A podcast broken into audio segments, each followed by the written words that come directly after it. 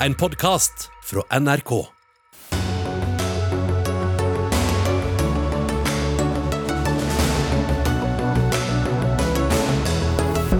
Krigen i Ukraina kan ikke vinnes på bakken, mener forsvarssjefen. Det er mange uenig i.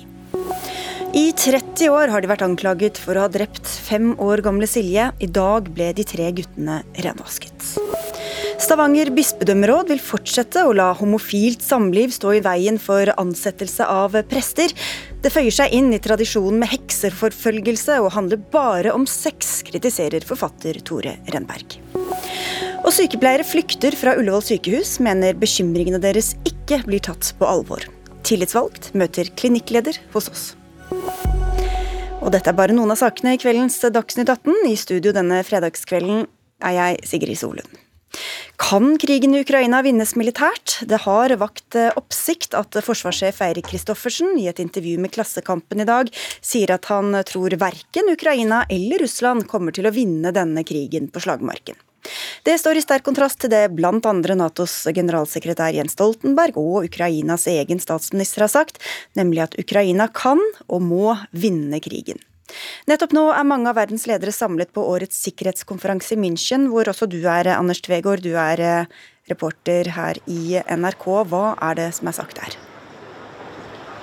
Her er de opptatt av at eh, verden blir et enda mer utrygt og farligere sted før det snur og kan bli eh, bedre. Og De diskuterer da eh, konsekvenser av krigen i Ukraina, men også konflikter andre steder, forholdet USA-Kina.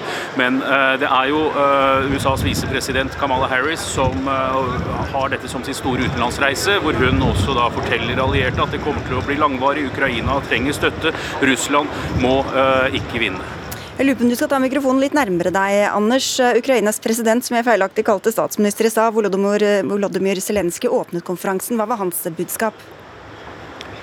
Eh, Volodymyr Zelenskyj talte på videolink eh, til eh, de rundt 100 utenriks- og forsvarsministrene som er her, og 40 statsoverhodene. Det har sjelden vært så høyt toppnivå i salen. Han var opptatt av at den vestlige hjelpen må komme raskere fram, og han var også opptatt av at Russland ikke må vinne. Og så sier han at nok en gang at det er ikke et alternativ for eh, Ukraina uten eh, Nato, uten EU. Eh, e og at han da sparker igjen i gang denne debatten om ukrainsk medlemskap i Nato. Ingen av Nato-landene har hatt særlig appetitt på det. Og så avsluttet han sin tale til stående applaus med en, på en litt positiv note, som det vel heter, hvor han da sa at han håper at sikkerhetskonferansen her i München, denne private uh, samlingen, som er den største og viktigste konferansen av sitt slag, uh, neste år kan markere gjenoppbyggingen av Ukraina og, slutt, altså en, etterkrigskonferanse. Så han ser altså for seg krig iallfall et, eller et års tid, et, et års et tidsår, årstidstid. Ja, et år til. vi avslutter der, vi, Anders Tvegård. Du skal få med deg Jonas Gahr Støre fra sikkerhetskonferansen om en 40 minutters eh, tid. Skal vi høre hva han har å si. For det er jo nemlig dette med mm, uttalelsene fra forsvarssjefen som har eh, fått en del oppmerksomhet i dag, som sier at ikke, krigen kan ikke vinnes av noen parter.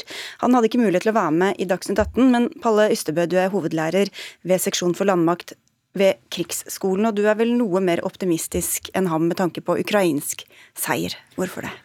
Eh, fordi at eh, denne krigen allerede i mars i fjor gikk over fra å være et forsøk på Russland til å kuppe og, uh, Ukraina og ta, ta makta, sånn type Kabul 1979, til å bli en utmattelseskrig. Når de mislykkes med det, så, tvang, så ble, gikk krigen over til å bli en realitet en utmattelseskrig. Det betyr at da er det ressurssituasjonen på begge sider som, som, som til sjuende og sist vil avgjøre.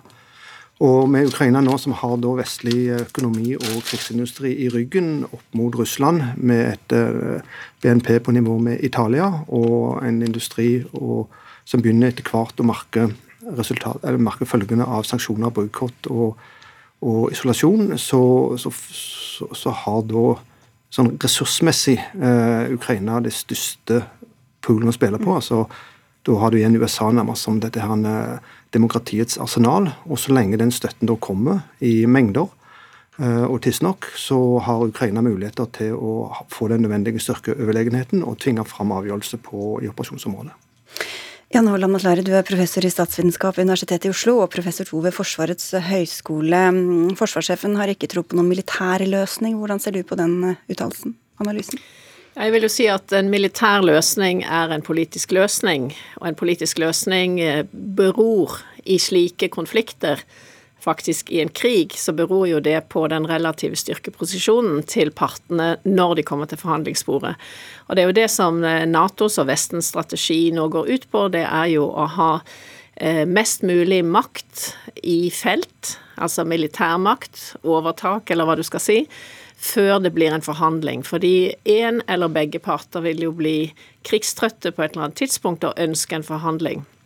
Og det som eh, er uheldig, er denne ideen om at det finnes noe som heter militær løsning versus politisk løsning. Eh, fordi der det er konflikt, så er det jo makten, relativ makten som bestemmer.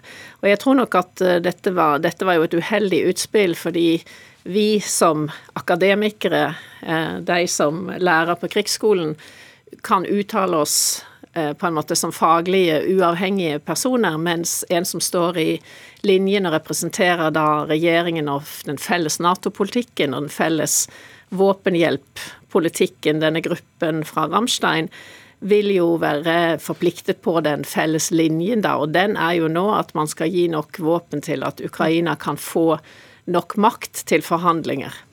Nå er jo ikke han her, så vi kan jo la den uttalelsen eh, ligge. Men eh, nå er det ikke aktuelt med forhandlinger eh, per nå. Men hvis man skulle sette seg ned ved bordet, hva, hva kan Ukraina tenkes å forhandle bort? Ja, i dag ville det jo vært et fait accompli disse annekterte sørøstfylkene, disse som ble annektert av Russland i, i september i fjor, ikke lenge siden, pluss da Krim.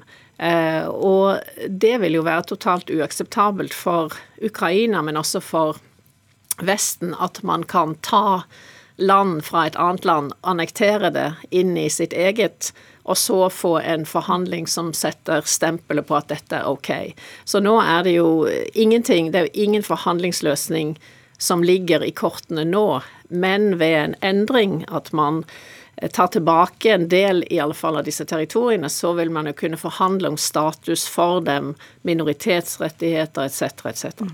Ystøve, hva skal til, tror du, for at um, den ene parten da, blir krigstrøtt og vil gå til forhandlingsbordet? Ja, Hvis den ene parten blir krigstrøtt og den andre ikke, ikke, ikke blir det, så spørs det om den andre eh, gidder bry seg. Da vil det bare utnytte overlegenheten og, og avgjøre eh, krigen militært, for så å og etablere da denne, en, en fredsløsning deretter. Eh, hvis begge, eneste jeg tror kan få begge parter til forhandlingsbordet, er at begge parter er så utmatta av krigføringa at det ikke lenger kommer videre. altså Det, det, det kjører seg fullstendig fast, sånn at det er ikke noe mer å hente. Mm. Eh, det ser vi ikke med det første, sånn det, sånn det ligger an nå, i alle fall. Og så, som du selv sa, det handler om hvor mye materiell de får, og Vesten har jo, ser ut til å legge an til at de skal bidra i lang tid framover. Men når blir de menneskelige omkostningene så store at man liksom stopper opp og sier er det, er det verdt det lenger?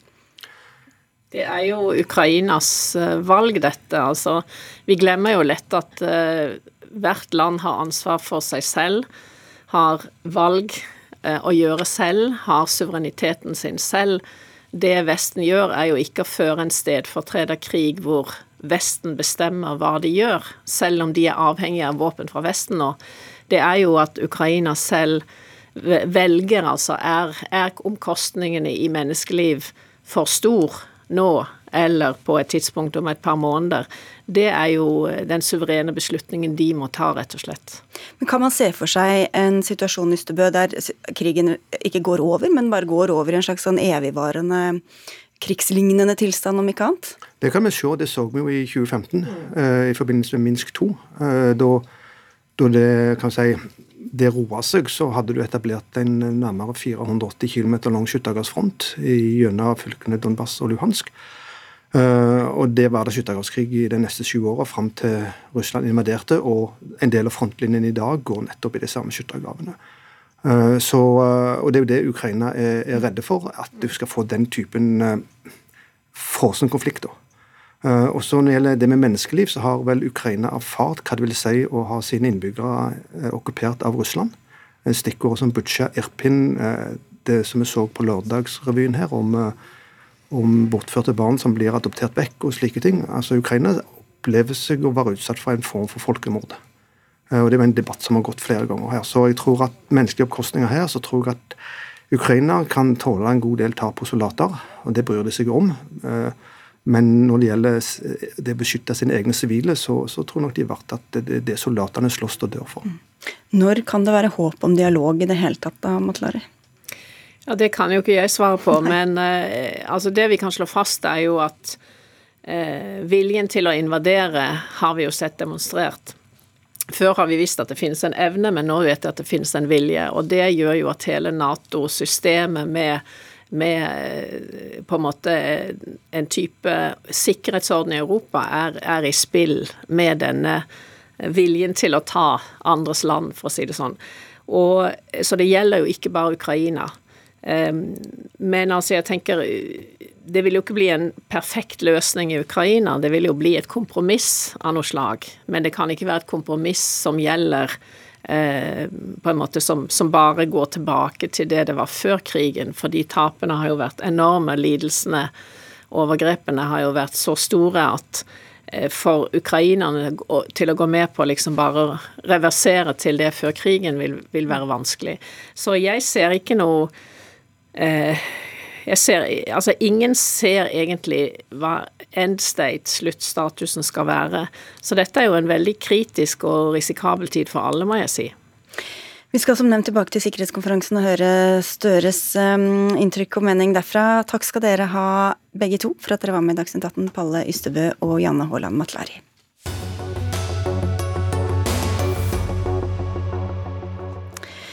Drapet på den fem år gamle Silje Redegård i 1994 rystet hele Norge, og de tre små guttene som fikk skylden den gangen, har båret på konsekvensene siden. I dag ble de renvasket etter at statsadvokaten i Trøndelag opprettholdt henleggelsen fra nesten 30 år tilbake. Advokat Sigurd Klumseth, du er den som har forsvart han som da var seks år da dette skjedde. Hva er det som sitter igjen for din klient eh, etter dagen i dag? Han sa det slik at han var overveldet, men også svært tom, fordi det blir mye på en gang. Nå har vi vært sammen utover dagen, så det har sagt meg sikkert gått opp for han og for femåring som vi også har vært sammen med. Men det er klart det har vært en vanskelig tid for disse menneskene siden 1994. Ja, hvordan har denne saken eh, preget og påvirket dem? De ble begge fjernet fra sin eh, hjem ved at eh, barnevernet satte i gang en aksjon og på begge sider, altså begge foreldrene, de kjempet eh, i rettsapparatet og tapte. Og eh, det betyr at barna ble overlevert til fosterforeldre eh, fra i ca. ni år fram til de var 18. For selv om de var så små at det selvfølgelig ikke fikk noen strafferettslige konsekvenser, så har denne mistanken hengt over dem absolutt hele tiden? Ja, Den har jo hengt ved dem hele veien. Og det fortelles jo at når de var i i fosterhjemssituasjonen så var det eh, stadig møter med psykolog som eh, på ulike måter eh, gjorde aktivitet for at de skulle tilstå at de var gjerningsmenn. Femåringen tok de endog med seg på stedet der ute for at han skulle få gjendrevet minner. Det var den teknikken som de benyttet den gangen, og som har gjort det ekstra vanskelig. Det har jo også vært vanskeligheter i livet på andre måter. Og det er jo denne teknikken som også har fått veldig mye kritikk, som man nå har gått bort fra, Asbjørn Rachlew, politioverbetjent og forsker på avhørsteknikk. hvor viktig er denne henleggelsen, syns du? Ja, eh, altså Før vi løfter fram det, det gledelige ved, ved statsadvokatens eh, påtegning i dag, eh, der han eh, slår fast at eh, fireåringen, femåringen, seksåringen er uskyldige, så tenker jeg at vi skal ta et lite sekund og tenke over det faktum at eh, påtegningen eh, gir ikke de etterlatte noen svar. Eh, moren til Silje, de pårørende til Silje, akkurat på tilsvarende måte som foreldrene til Stine Sofie i, eh, og Lena i Baneheia, eh, foreldrene til Birgitte Tengs. I de siste sakene som jeg nevnte, så er det jo utvikling i sakene. Men, men, men det er klart eh, det er en gledens dag for disse guttene å, å, å bli eh, renvasket. Men til dette med avhørsteknikken også, som vi hørte litt fra Klumset her. Hva var det som gikk så galt? Ja, det var dessverre slik at da jeg eh, som ung etterforsker eh, på 1990-tallet eh, eh, gikk inn i faget etterforskning, så hadde vi ingen opplæring i avhørsmetodikk. Eh, vi gikk inn, mange av oss, eh, med tankesettet at når vi hadde noen mistenkte, så var det vår oppgave å få de til, til, til å tilstå. Og nå denne høsten, eh, dette året, den siste tiden, så har jo mange av disse sakene fra den tiden eh, heldigvis eh, kommet opp og fått løftet opp hva som faktisk eh, skjedde. Eh, og det faktum da at de tilståelsene som vi presset fram, eller de ledende spørsmålene som vi stilte, eh, ikke ut av ond vilje, men ut av manglende kunnskap om vitnepsykologi osv., det er trist. Og, men det som er positivt i den forstand, er jo at norsk politi måtte ta et kraftfullt oppgjør med den metodikken. Eh, og Det var et smertefullt oppgjør som, som vi tok på rundt år 2000. Eh, vi kan nå eh, se inn i kamera og fortelle det norske folk hvorfor vi endret oss fra hva til hva, og hvordan. Men det hjelper jo ikke de impliserte i disse sakene. Eh, men, eh, men, sjansen for at vi får slike hva skal vi si, banale feil, grove justisfeil, er redusert. Det betyr ikke at vi kan lene oss tilbake som politihøgskole og tenke at alt er som Vi må kontinuerlig jobbe videre med utviklingen av faget, men, men de groveste feilene har vi heldigvis tatt et oppgjør med, men for sent. Det er som nevnt eh, noen store saker som vi har hatt oppe nå de siste par årene, Klumset, hvor man i noen saker i hvert fall har kommet nærmere sannheten. Det har man jo ikke gjort eh, i dette tilfellet som vi hører her. Men hvor dypt har eh, påtalemyndigheten gått inn for å prøve å finne ut av hva som faktisk skjedde? Ikke i det hele tatt. Jeg syns henleggelsen er feig. Jeg ser at man mener at man har ikke vært innenfor mandatet å undersøke videre. Da er det i så fall noe mangel ved mandatet, så vi håper jo at nå vil bli tatt initiativ fra Riksadvokaten for at det vil bli gjort ytterligere undersøkelser. Det var jo flere personer som ble omtalt også av guttene i 1994. Til Asbjørn Rakløs vil jeg si at det var vel Birgitte-saken som var vendepunktet. og Da hentet vi internasjonal ekspertise fra London. Men vi ble jo latterliggjort, eh, mange av oss, for at de mente at det kunne være noe som het falske tilståelser. Men da dette var i 98, og med den berømte sivile delen av saken som ble avgjort etter min oppfatning i Strasbourg i 2003 som krenkende, så fortsatte man jo allikevel. Fordi Baneheia-saken, som jeg også kjenner, den var jo også det samme. Og når vi fikk inn der i min tid professor Gudjonsson til å analysere avhørene av Andersen, så var jo det på samme slette nivå. Og Dette er omtalt da i både begjæring om gjenåpning og eh, frifinnelsen av Kristiansen. Hvis tillegg er først ord, så vil jeg si at eh, I 1994 så var det jo også en annen skandalesak her i distriktet, nemlig Bjugn-saken, som jeg også kjenner. Jeg beviste jo uskyld der i 2006 etter at jeg hadde møtt eh, hammeren i Strasbourg i 2002. Så jeg legger til grunn at det er de samme personene, eh, samme systemet, samme tid som da også hadde Bjugn-saken, som er blitt en katastrofesak for veldig mange. Er du, er du, helt sikker på at man er helt ferdig med dette, Rakløv? I alle, alle deler av systemet? Uh, nei, uh, hvis jeg og Politihøgskolen uh, skulle uttale oss til offentligheten og til det norske folk og si at vi kommer aldri til å gjøre feil igjen, så, er vi jo på fullstendig feil bane. det jeg kan si, og det vet Sigurd Klumsut utmerket godt også, det er at vi har tatt et oppgjør med den type avhørsmetodikk som vi hadde på 1990-tallet. Og ja, Sigurd, du har rett i at den endringen som vi måtte gjennom i norsk politi, og det var en smertefull endring, den kom ikke mine kolleger eh, eller de pårørende eller de mistenkte i Kristiansand i år 2000 til gode, fordi dette ble rullet ut i 2001-2002 nasjonalt, der samtlige etterforskere som søkte etterutdanning på Politihøgskolen, eh, ble eh, loset inn gjennom en snuoperasjon, som f.eks. Europarådets torturkomité kaller et paradigmeskifte og eksempel til etterfølgelse for resten av Europa. Men jeg sitter ikke her og, og, og, og, forsvarer det som har skjedd. Jeg sier bare det at politiet har gått inn i de groveste feilene, men eh, vi må hele tiden jobbe videre for å utvikle faget. Nå snakket vi om justismord. Feig var ordet Klomsæt brukte om denne henleggelsen. Hva slags ord vil du bruke? Eh, det er sider, eh, juridiske sider ved denne kjennelsen eh, som er litt finjuss, som hvilken henleggelseskode osv. man skal bruke. Jeg tror jeg skal overlate det til juristene. Men det er klart at det er Jeg savner noen resonnementer for hvorfor man har kommet fram til at guttene er å anse som uskyldige. Jeg savner noen resonnementer. Det gjør jeg. Det kan godt hende at det, og det gjør det meget vel, ligger gode resonnementer til grunn, men det er ganske knapp hva skal vi si, vi si, påtegning. Så, så, jeg håper virkelig at eh, vi kan gå videre og få svar på det Sigurd etterlyser. Ja, Hva blir neste skritt nå, Klumseth? Det blir innenfor tre uker å klage til Riksadvokaten og påpeke at det er uheldige, flere uheldige formuleringer i både henleggelsesbeslutningen og i statsadvokatens pressemelding. Han bruker ord der som kan tyde på at han, de er ikke så uskyldige likevel. Eh, og så påberoper han nå uskyldspresumpsjonen. Og da vil jeg minne om at uskyldspresumpsjonen kom inn i norsk eh, juss eh, fra 1953 og var til stede altså også i 1994. Men jeg er helt enig med Asbjørn at det har vært et stigmaskifte, og det går til det bedre.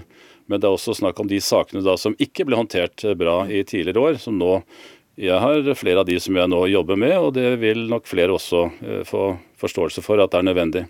Jeg ja, Da får vi se hvor det neste skritt eh, blir. Så mm. kan jeg også nevne at det var jo en NRK-dokumentar som fikk rettssystemet til å se på den på nytt. Den kan jo ses eh, på NRKs eh, nettsider. Takk skal dere ha, begge to. Ja. Uten den NRK-dokumentaren så ville denne situasjonen i dag ikke vært mulig. Det er NRK Brennpunkt som har all ære for at denne saken ble gjenåpnet, og med det resultatet som er blitt, med bruk av sakkyndig. Asbjørn Rachlew og flere andre har jo bidratt, også teknisk eh, fra pensjonert eh, Kripos-folk, som har gjort dette mulig. Altså Man må ha ressurser, og ressursene av dette til for hvert NRK Brennpunkt. All ære til det. Da får jeg takke på vegne av dem. Takk skal dere ha begge to, Sigurd Klomsæt og Asbjørn Rachlew.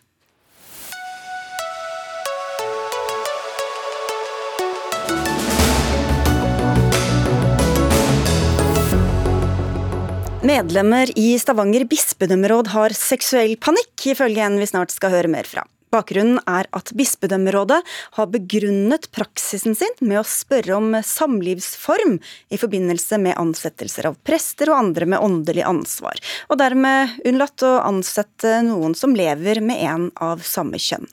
Som eneste bispedømme i landet har Stavanger denne praksisen, noe det er foreslått at Kirkemøtet setter foten ned for. Forslaget er ute på høring, og dette er et av svarene. Du lot deg opprøre over det svaret fra bispedømmerådet i din hjemby, forfatter Tore Rønberg, og de innledende ordene tilhører altså deg. Hva er det som opprører deg ved dette?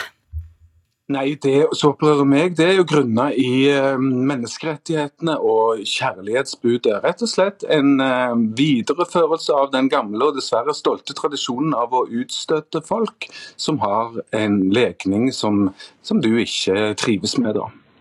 Ja, Du sier du klarer ikke å sitte stille og se på dette. Viser seg, som du sier her også, til en, eh, til en gammel og vond historie som dette fører seg inn i. Hva tenker du på da? Da tenker jeg f.eks. på biskop Bjørn Bue i, i, vår by, som i 1985 eh, ga de homofile skylden for aids-epidemien. Jeg tenker på kong Kristian 5.s lov, dansk-norske lov av 1687 som forordna dødsstraff, dødsstraffbrenning på bålet for homofili. Og jeg tenker på vår kirkes eh, far, Martin Luther, som kalte homofili for den verste avskyelige perversitet av, eh, av, alle. Og Det er den sørgelige tradisjonen som, eh, som spøker i bakgrunnen her. da. Jostein Odna, du er medlem av Stavanger bispedømmeråd og professor emeritus i teologi, og tilhører flertallet som altså vil beholde denne praksisen. Hva sier du til det Rennberg sier her? Jeg tenker at uh, saken må settes inn i uh, sin rette sammenheng. Det er slik at uh, Kirkemøtet i 2016, som åpnet opp for kirkelig vigsel av likekjønnede, sa klart at også det inntil da eh, gjeldende ene standpunkt eh, videreføres som et eh, teologisk legitimt syn. Og det som Stavanger bispedømmeråd gjorde for to år siden, med å vedta at vi fortsatt da skal ha mulighet til å etterspørre og vektlegge samlivsform, Det har vi nå begrunnet i den høringen som pågår frem mot kirkemøtet til sommeren. Og begrunnelsen er aldeles ikke da seksuell panikk eller noe slikt, men rett og slett at vi går ut ifra da Bibelen som vårt normative grunnlag, og det den sier om at seksualiteten hører hjemme i det heterofile, monogame ekteskap. Rønberg. Ja, nei, det er jo akkurat, akkurat her stridens kjerne står, ikke sant. Og Jeg har lyst til å spørre Jostein Ådna og hans meningsfeller om da, hva som er problemet med at to jenter kysser hverandre. Hva er problemet? Problemet er at um, ifølge Bibelen, som er vårt normgrunnlag, uh, så er da så skal seksualitet utfoldes da i et forhold mellom mann og kvinne. Dette er en rød tråd i Bibelen fra dens første kapittel, første Mosebok 1, skapelsesberetningen av, til Jesu bekreftelse av dette og hva som konstituerer et ekteskap, og til apostelen Paulusus da Eh, eksplisitte bekreftelse av at eh, homoseksuelle handlinger eh, er på tvers av Guds vilje og Guds bud. Da fikk du svaret, Renberg. Ja, det fikk jeg svaret. Og det er akkurat det svaret jeg forventer å få fra, fra den ortodokse bibeltro linjen. Så det kjenner vi veldig godt. Og Da har jeg lyst til å følge opp med følgende spørsmål om Ådna og hans linje tilsidesetter menneskerettighetene. Om de tilsidesetter eh, kjærlighetsbudet, og da med andre ord sier at det er bare én gyldig kjærlighet for oss.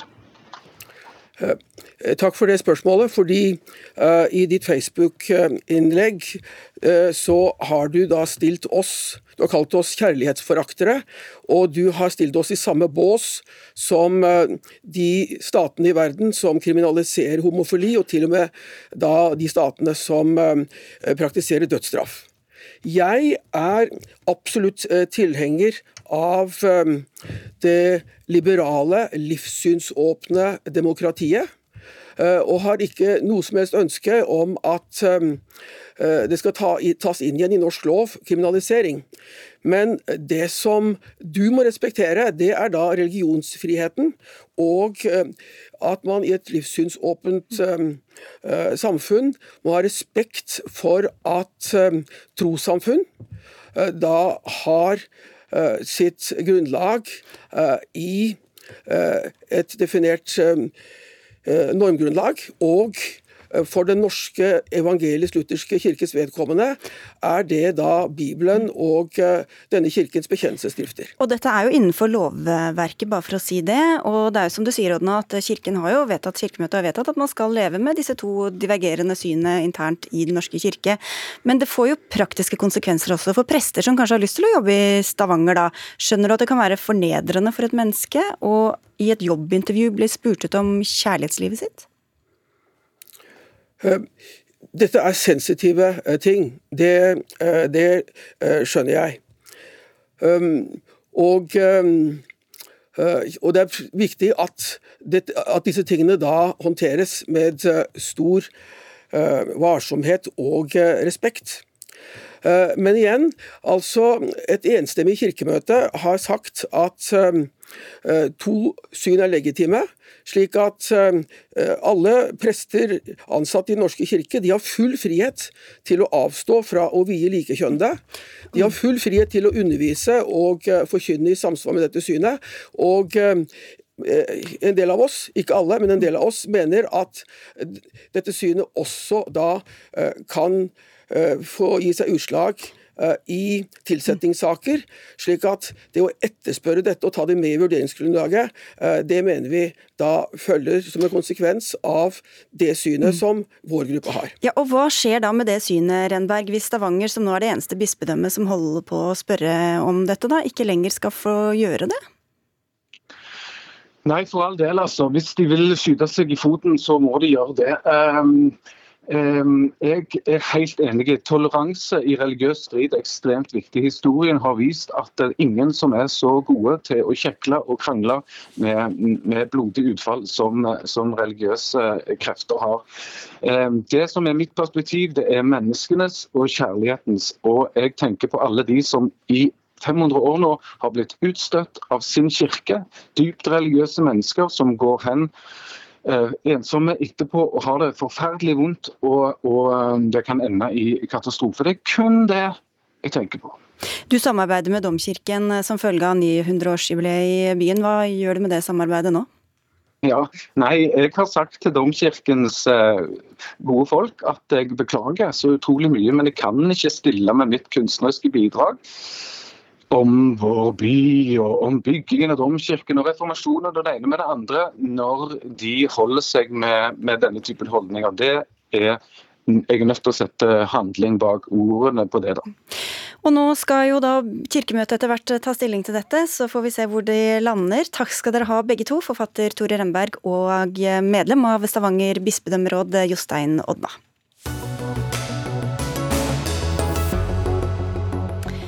14 av 24 sykepleiere har sagt opp jobbene sine ved hjerte postoperativ avdeling ved Oslo universitetssykehus Ullevål. Men med kun fem sykepleiere tilbake vil det ikke lenger være mulig å drive avdelingen, med mindre sykehuset finner en annen løsning. Rolf André Oksom, du er konserntillitsvalgt for Unio i Helse Sør-Øst, og har tidligere vært tillitsvalgt også ved denne klinikken.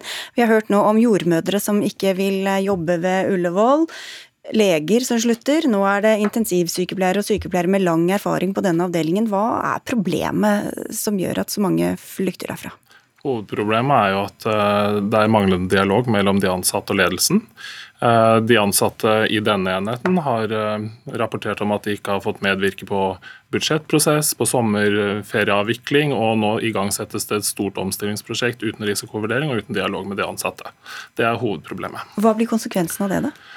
Konsekvensen av det er jo at de har valgt å, å, si opp eh, stillingene sine, og at vi står tilbake med en avdeling som man ikke kan drive. Men hva er det, hva er det ledelsen har vedtatt som, som, de sier at dette kan de ikke være med på lenger? Eh, det ene er at man har gjort en endring i arbeidsplanen, altså turnusen til de ansatte, slik at de skal jobbe oftere helg, og da på en sengepost istedenfor inne på sin postoperative enhet. Eh, og så blir det færre ansatte på ukedagene, sånn som man får litt Man er usikker på om man har nok folk på jobb. Og Så har man vedtatt å sommerstenge avdelingen og flytte de ansatte til Rikshospitalet og bruke de der. Um, men med den bemanning man har i bemanningsplanen i dag, så er det ikke mulig å gi de ansatte opplæring. Så de vil måtte møte på jobb på et nytt sted med nye kollegaer og til dels en annen pasientgruppe uten opplæring. Bjørn Benz, du er klinikkleder for uh, hjerte-, lunge- og karklinikken ved Oslo universitetssykehus. Hva sier det deg at alle disse menneskene sier opp? For det første er jeg veldig lei for det. Eh, det er klart at Når 14 av 24 operative intensivsykepleiere sier opp, så er det et eh, stort tap for oss. Det hyggelige, hvis jeg kan ta tak i det, er at syv av de allerede, etter hva jeg har fått høre i dag, har fått jobb andre steder i sykehuset. Det er jeg kjempeglad for. Men at vi sitter igjen med så få som vi gjør, det utgjør selvfølgelig et stort problem for oss. Dette må vi jobbe med. Men Hvorfor tror du det ble sånn, da? Eh, det er en lang prosess. Egentlig er dette en prosess som har pågått over flere år. Vi startet i praksis i 2019, hvor vi skulle ta tak i hjertekirurgifaget eh, sånn isolert sett. Eh, den har nemlig endret seg betydelig over de siste 20 årene. Vi hadde toppår i 2004, og etter det så har hjertekirurgien i Norge bare falt og falt ned på et ganske så lavt volum. Og nå har vi prøvd å samle styrkene vi har til én felles avdeling. Det er en avdeling allerede, faktisk, men det er på to steder med én kilometers avstand. Men nå har vi prøvd å samordne med bred involvering, det kan jeg komme tilbake til. Eh, eh, og egentlig konkludert med at vi må gjøre noen grep for å møte framtiden. Det er veldig mange ansatte som har vært eh, kritiske til disse sammenslåingene, som Rikshospitalet og Ullevål. Er det det som ligger til grunn her for denne Nei, det er ikke det som ligger til grunn her. Det er helt riktig som klinikkleder sier her, at det har vært en bred medvirkningsprosess fram mot et vedtak for å samle virksomheten i 2025. Det er også noe helt annet enn at man plutselig gjennomfører gjennomfører dette hastegjennomfører det uten involvering, uten risikovurdering, sånn som de har gjort nå. Så Det er to ulike prosesser, og her har det ikke vært medvirkning. Um, Så, så, vi deler nok ikke helt den samme oppfatningen av hvordan prosessen har vært. Ja, du kan jo si det hva din eh, versjon er, da. Ja, ja tusen takk. Eh, ja, når det gjelder medvirkning, da, så har det vært eh, bredt. Det er vi enige om. ikke at, etter dette? Nei, ja, men fram til vedtaket om samling. Men så var det to punkter rundt den samlingen. Det er riktig som det sies at vi skal møtes i 2025 eller senere. Det er helt riktig. Men så var det et tilleggspunkt. Det var at fram til den tiden hvor vi eventuelt har funnet fysisk plass til dette, da, så skulle vi samordne samordne virksomhetene våre. Det var et punkt B eh, i den eh, beslutningen. Og I den eh, beslutningen så lå det noen underpunkter. og Et av de var at i lavaktivitetsperioder, f.eks. i sommerferien, så må vi samordne driften. Og en ting rundt det, det er at Vi skal ikke stoppe virksomheten på Ullevål i den tiden. Det er bare at Hjertekirurgien har vi vært nødt til da å samle på ett sted, mens det som heter lungekirurgi fortsatt vil være på Ullevål. Også beredskapsteamene. Ja, nå er det sånn at um, klinikkleder ønsker jo veldig å snakke om hjertekirurgi, men denne avdelingen gjør veldig mye annet enn hjertekirurgi. Det er, det er kreftkirurgi, men det er også en del av eh, beredskapen på Ullevål. Ehm, totalberedskapen. Vi mister nå syv intensivsenger. Eh, og vi mister også muligheten for å kjøre hjerte-lungemaskin på Ullevål. Da må man overflytte pasienten. Hvis det kommer inn en pasient etter en drukning som trenger det, så vil det ikke lenger det tilbudet være der. Det påvirker hele regionen vår, Helse Sør-Øst, sin kapasitet for å håndtere masseskader skader og større hendelser. Ja, hva kan det få å si for pasientene, som jo må sies å være det aller viktigste oppi her. Ja, la oss si man kommer inn etter en drukning og man trenger å legges på en hjerte-lungemaskin. Så kan man fremdeles legge pasienten på maskinen på Ullevål, men man blir stående inne på operasjonsstuen med team der og vente på transport til Rikshospitalet, og Rikshospitalet er veldig ofte fullt. Så det kan gi altså, konsekvenser for pasienten. Det er ikke veldig mange pasienter, men, men de får store konsekvenser for de der. og dette er en funksjon for hele området vårt. Det er derfor jeg som konserntillitsvalgt er veldig bekymra. Fordi dette er ikke en enkel, liten sak i en klinikk i et sykehus. Dette er noe som påvirker hele regionen vår. Ja, altså Når det gjelder beredskap, som jeg er mest opptatt av akkurat nå, det er jo pasientene vi tross alt er til for, så er det slik at vi ivaretar beredskapen med de samme vaktteamene som vi alltid har hatt. Når det gjelder de intensivplassene, så er det riktig at det er syv plasser. Det har vært bemanning der for seks. Gjennomsnittet eh, belegg der har vært tre. Og så har det vært én pasient der annenhver helg, så det har vært relativt lav virksomhet der. Men disse som jobber der, som du dessverre har sagt opp, er ekstremt verdifulle, så jeg ønsker dem veldig tilbake. Ja, Hva gjør dere nå da, hvis de ikke kommer tilbake? Vi har eh, satt i gang med stillingsannonser, vi. Eh, fortløpende. Og rekrutterer alt det vi kan. Eh, og så jobber vi med beredskapsplanene våre, rett og slett. Ja, du kortet litt. Mm. Ja, Det er jo fint at man har lyst ut stillinger, eh, men problemet er at markedet er jo tømt for intensivsykepleiere. ikke sant? Eh, og all den tid sykehusene heller ikke bruker lønn som virkemiddel, så kan du ikke lokke til deg noen fra noe annet sykehus heller. fordi det er rett og slett, Den kompetansen er ikke tilgjengelig. Så er det fint at de har begynt internt, noen av de i OS, fordi det er bra for de avdelingene. men det gjør ikke noe med at vi har svekket beredskapen, fordi den avdelingen er ikke operabel. Dette gjelder jo ikke bare Oslo, vi skal se litt større på det hele også. I Helse Nord har konstituert administrerende direktør i dag slått fast at Helse Nords evne til å sørge for god og likeverdig kvalitet på tjenestene til den nordnorske befolkningen er truet. Vi hører krisemeldinger fra sykehus rundt om i landet, og hva er løsningen? Ola Bollestad, du leder i Kristelig Folkeparti og har kritisert regjeringen for mye av det de gjør på helseområdet. Hva er det du ønsker deg annerledes?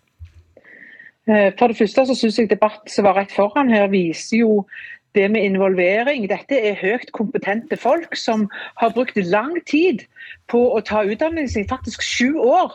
Eh, for å bli intensivsykepleier. Og da bli på en måte en brikke og en kasteball i et system, eh, det finner de seg faktisk ikke i.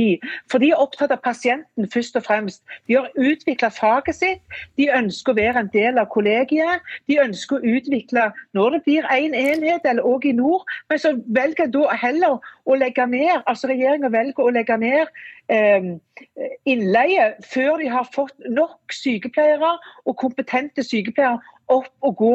Det er jo den store utfordringen. Så da må jo de sykepleierne som er igjen, springe desto fortere. Og Det skaper utslitthet, og folk slutter. Ok, Cecilie Myrseth, du sitter uh, på Stortinget for Arbeiderpartiet i helsefraksjonen, og du sier at du vil ha deg frabedt at opposisjonen skremmer opp uh, folk. Hva er det som ikke stemmer med det Bollestad sier her, da?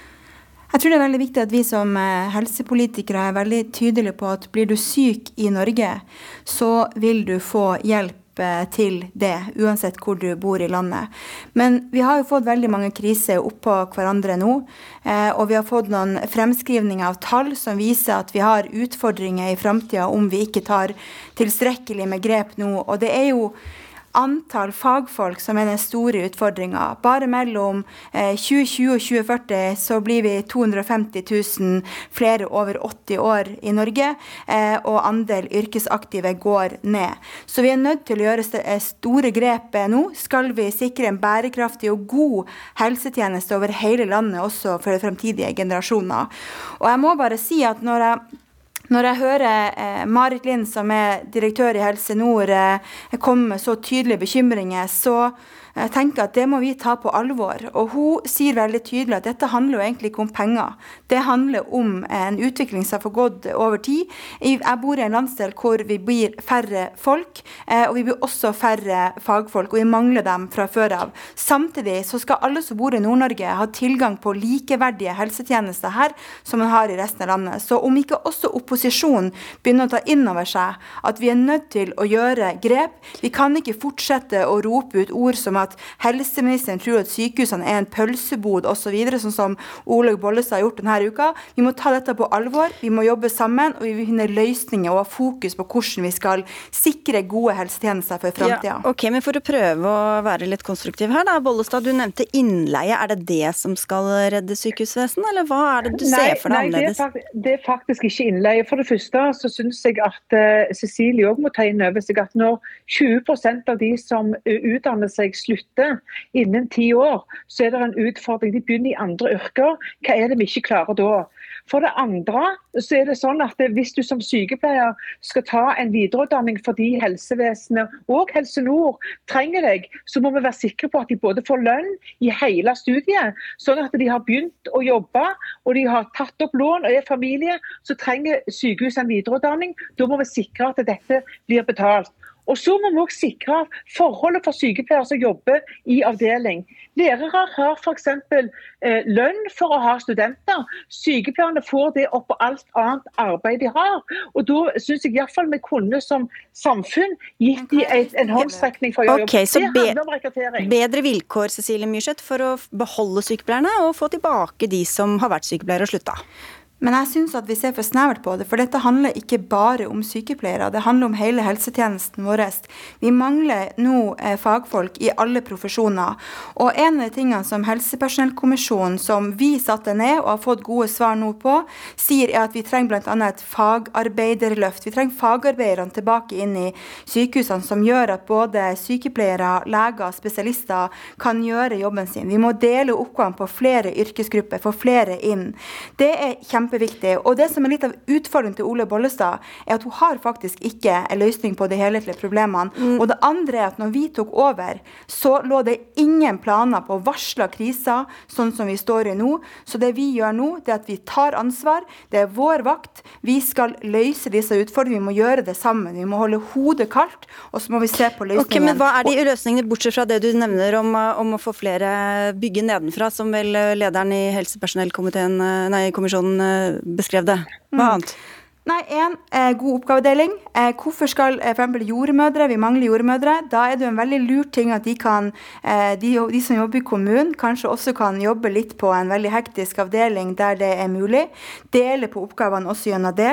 Vi må si veldig tydelig nei nå til den privatiseringa som Bollestad sin regjering sto på. Én sykepleier er én sykepleier, kan ikke være begge plasser. Vi må prioritere hardere. Det er ikke sikkert alle tingene man gjorde i sykehusene for ti år siden, er er det riktig viktig å gjøre i dag. Medisinske utviklinger går eh, fremover i en stor eh, fart. Eh, og, og, og, vi må, må, sikre at vi både beholder, rekrutterer og utdanner nok fagfolk her. Og ikke minst må vi sikre for desentralisert okay. utdanning. Ja, men, men Bollestad, du, du, hadde dette med rekruttering til, av sykepleiere. Men hva er de store grepene KrF vil ta da for å bedre for det, første, så, for det første så har jeg levert et forslag til Stortinget med 18 forslag, hvor òg andre yrkesgrupper er inne. Så jeg er enig i fagarbeider. Men men ærlig talt, det var sånn at Regjeringa gikk til valg på en tillitsreform. En tillitsreform, og det er sånn at De som jobber i sykehus, de gjør Hør nå hva jeg sier, Cecilie. Jo, men jeg de spurte deg om det, Bollestad, fordi Det er litt vanskelig tror jeg, for dem som eh, lurer på hva er egentlig forskjellene mellom KrF og Arbeiderpartiet i sykehuspolitikken. Hva er det dere vil gjøre? For det første så vil jeg faktisk at sykepleierne de ber om å få flere folk rundt seg, fordi de har for lite folk. Da har vi et ansvar å utdanne flere. Ja, Skal vi utdanne flere jordmødre, så må vi òg utdanne flere grunnutdanna sykepleiere, ellers får du ikke jordmor. Du må være sykepleier for å bli jordmor. I tillegg så må vi faktisk sikre fagarbeiderne. Det ligger i forslaget. Vi må òg sikre arbeidsoppgavene. Men det som Cecilie nå sitter og sier, det er at det ikke er gjort noe ting. Det har økt utdanning på jordmor, det har økt utdanning på sykepleier, det er økt utdanning på intensivsykepleier. Men når folk slutter, så må vi først sette inn nøkler, så vi faktisk også er sikre på at båten ikke synker. Det er utfordringen. Jeg tror vi må ha et helt seminar om dette, for det er ikke helt det er så stort tema. Så det var det vi rakk i denne omgangen. Takk skal dere ha, Cecilie Myrseth fra Arbeiderpartiet og Olaug Bollestad fra KrF. Og til dere, Bjørn Benz fra OUS og Rolf André Oksholm, som er konserntillitsvalgt i Helse Sør-Øst.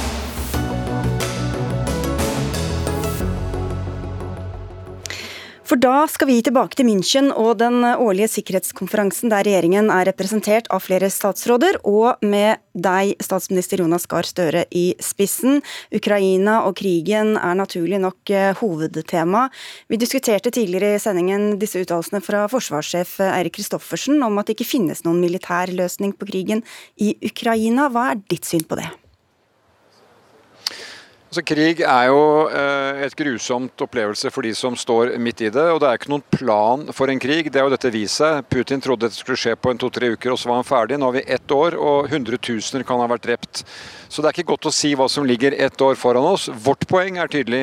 Vi skal støtte Ukraina i den forsvarskampen, så de kan motsette seg å bli okkupert og annektert og underlagt Russland. Det er i grunnen utgangspunktet, og det er en kamp jeg håper Ukraina vil vinne. Så planen er å holde ut så lenge det går. Ja, Det er jo mer enn å holde ut når vi ser det som foregår nå. De må holde ut mot eh, luftangrep. Da må vi hjelpe dem med forsvar mot luftangrep. De må holde ut mot bakkeangrep. Vi må hjelpe dem med å eh, stå imot eh, bakkeangrep. Og Dette er jo for Ukraina handler om eksistensen deres som land. Men det vi jo erkjenner er at dette har også stor betydning for oss som lever i Europa. Vi er naboland med Russland. og hele den sikkerhetsorden som er, er i Europa. Dette er en kamp som strekker seg langt utenfor Ukraina. og Det var jo grunntonen i det veldig brede flertallet i Stortinget i går som stilte opp for et eh, femårig bidrag til Ukraina. Er du uenig i det forsvarssjefen sa? Nei, altså Jeg opplever jo at det han sier er at eh, hvordan denne krigen kommer til å ende, om den kommer til å ende i en stillstand. Eh, Det er jo mange som peker på det, at det kan bli en stillstand langs noen grenser i deler av Ukraina. Men igjen, jeg er ikke så opptatt av å spå om det. Jeg mener vi har et ansvar og vi har en interesse av å hjelpe Ukraina til å stå imot det angrepet.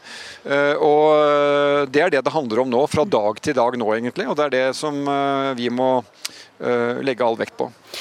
Du snakker vel med statsledere, andre statsledere på denne konferansen, vil jeg tro. Hva sier de, og hva sier dere om planene for å prøve å få slutt på denne krigen etter hvert?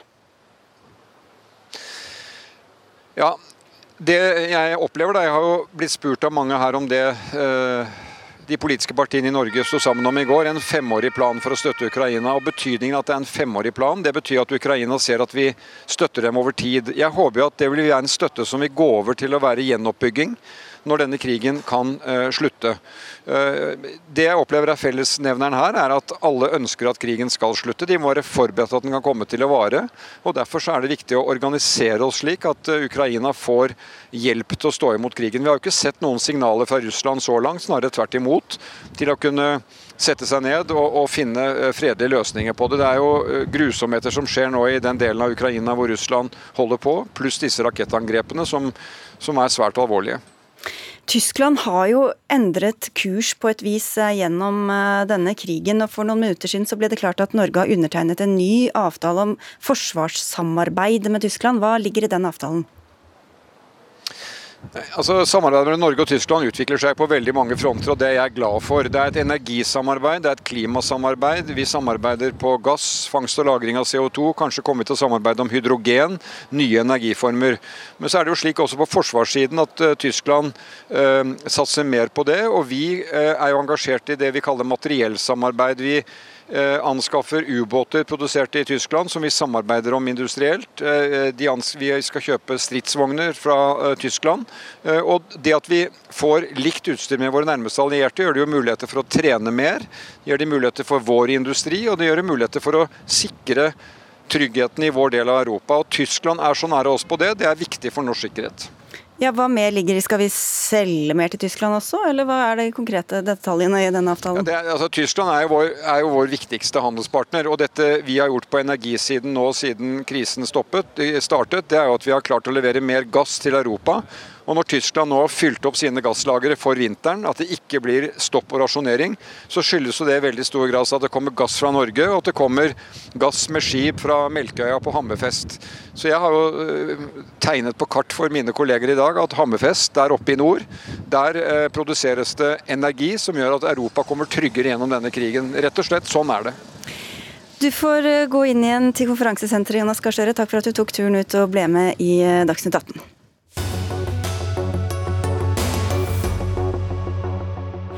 En ny handlingsplan for skeive som regjeringen lanserte i dag, skal være med på å bedre livskvaliteten til denne gruppa.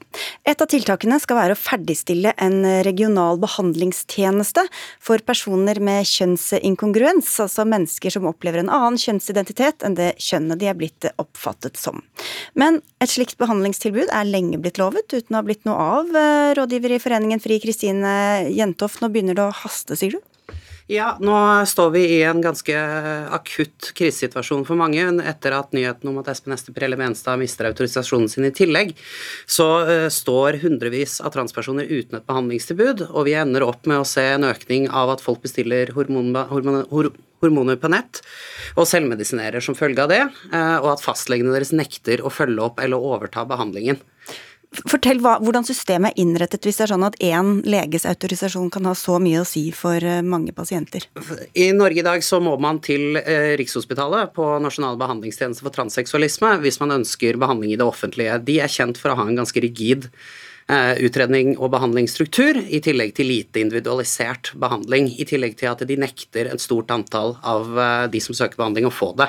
Benestad har da stått på mange måter ansvarlig i det private for å eh, supplere til rett og slett hjelpe det norske behandlingstilbudet. Da. Og når hen da blir stående uten, så står vi da med en ganske stor pasient, del av pasientgruppen som ikke har noen ting å holde seg til.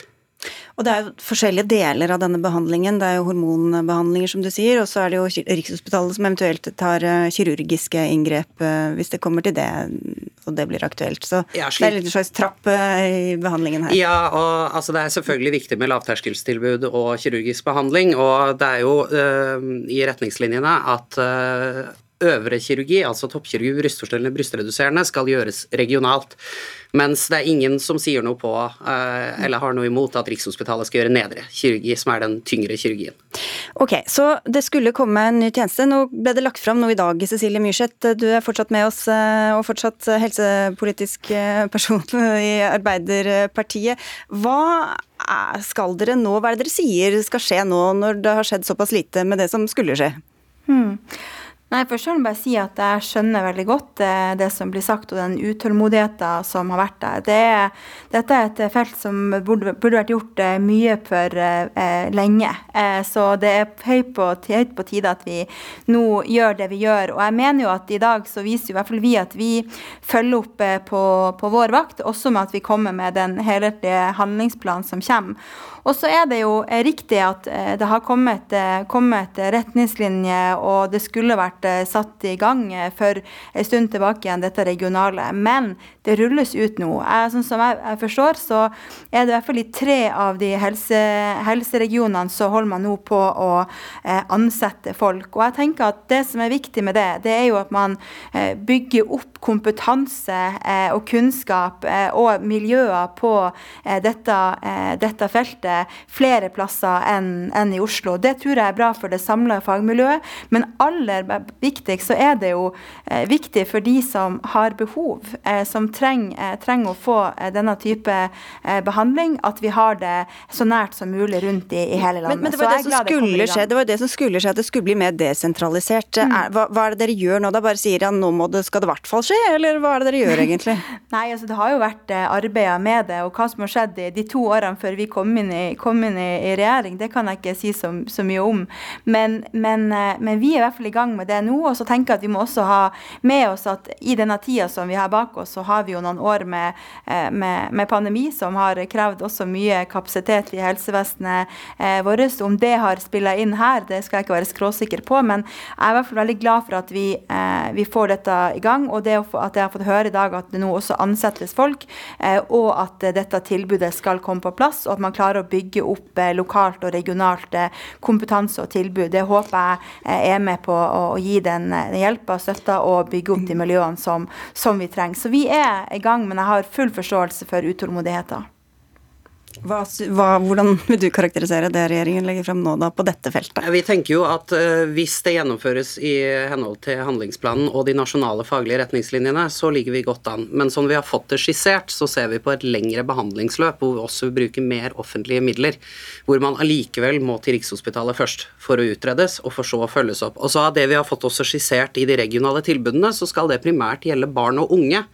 Og så har det seg sånn at transpersoner som er barn og unge, har en tendens til å bli voksne, og da trenger de fortsatt behandling. Eh, jeg er vel et eksempel på en som er voksen i mine 34 år, og skal fortsatt gå på behandling resten av livet. Så det, Der må vi ha et tilbud til de også, og der tenker vi at helsemyndighetene må synliggjøre tydelig overfor fastlegene at de kan videreføre ja. behandling, for det står i retningslinjene. Hvordan påvirker det en transperson at man enten ikke får den behandlingen, eller blir stanset i behandlingen og ikke får god nok behandling? Vel, det er jo, Først og fremst så er det, blir man skadelidende både psykisk og fysisk. Eh, man, hvis man har igangsatt behandling, så er det en risiko å gå av den hormonelle behandlingen. Det er ikke bra for kroppen, men det er enda verre mentalt. For man får denne behandlingen for å dempe symptomene på kjønnsdysfori, altså plagene man opplever som resultat av å være kjønnsinkongruent inkongruent. Og når man da ikke får behandling for det, eller man blir stoppet i sin behandling, så blir man sjuk. Og det ser vi nå med de som har tatt kontakt med oss. Og så er det jo uenighet innad i fagmiljøene her også. Eh, FHI og Rikshospitalet kaller disse retningslinjene om den desentraliserte tilbudet og sånn for uforsvarlig. Det er mange som er redd for overbehandling, at noen skal bli satt på hormoner eller få kirurgi som er irreversibelt, som andre vil angre på. Hvordan vet du at man at det blir forsvarlig hvis dette blir satt ut til eh, Nå er, Retningslinjene er jo utviklet en ganske bred eh, gruppe med fagekspertise på dette. I tillegg så har vi internasjonale behandlingsstandarder i det som heter Standards of Care, som er utviklet av verdens, eh, verdens profesjonelle forbund for transhelse. Og den, De har nå gitt ut Standards of Care 8, som inneholder nærmere 70 sider med faglig grunnlag og kilder og forskning. Så vi har alt dette. Retningslinjene våre er ganske i tråd med det og vi må faktisk kunne følge det. Men da må vi også benytte den fagkompetansen vi har i Norge, og det gjør vi ikke per i dag. Og så må vi slutte å sentralisere dette innunder Rikshospitalet, hvor de får styre alt, for det har de bevist at de ikke får til. Vi har ikke imitert Rikshospitalet, så vi skal la dem få, få hvile, holdt jeg på å si. Men Myrseth, er dere bekymret for at det gis irreversibel behandling ved for lav terskel? Jeg tenker uansett at eh, kunnskap er nøkkelen, og det å spre kunnskapen ut over hele landet tror jeg er bra. Det å bygge dette fagmiljøet større enn det det er i dag, det tror jeg også er, er riktig. Og så er det helt riktig at det er noen eh, faglige diskusjoner som pågår her. Men som, eh, som politikere så tenker jeg at vi må ha med oss at eh, det har hasta lenge å gi et bedre helsetilbud, også generelt til, eh, til, eh, til mennesker med kjønnsdysfori og eh, transpersoner personer. Og eh, vi prøver å eh, følge det opp eh, på flere punkt, punkt nå, også gjennom denne helhetlige handlingsplanen, men også ikke minst med å følge opp det som arbeid som skal skje regionalt, og sikre at vi bredder ut kompetansen både til, til sykehusene, men jeg håper og tenker at det også vil bidra til å kunne bredde kompetansen også ut til fastleger og andre som er rundt i, i hele landet, som gjør at man kan få hjelp når man, når man trenger det. Og eh, det er okay. viktig og riktig. Ja, Er det kompetanse da, Jentoft, til nok til alle, holdt jeg på å si? Ja, det er det hvis man vet hvor man skal lete og hvem man skal spørre. Men vi har også en veldig lav grad av brukermedvirkning i de desentraliseringsprosessene som har vært, og det må opp. I tillegg så må vi ivareta ikke-binære, som ikke har noen ting per i dag. Det var det vi rakk. Takk skal dere ha, begge to. Rådgiver i Foreningen FRI, Kristine Jentoft, og Cecilie Myrseth fra Arbeiderpartiet, som eh, takker av sin andre debatt i Dagsnytt 18 i dag, som er ved veis ende. Det var Anne Katrine Førli som hadde ansvaret for innholdet. Eli Kyrkjebø hadde det tekniske ansvaret. I studio satt Sigrid Solund, og vi ønsker alle en riktig god helg og kveld.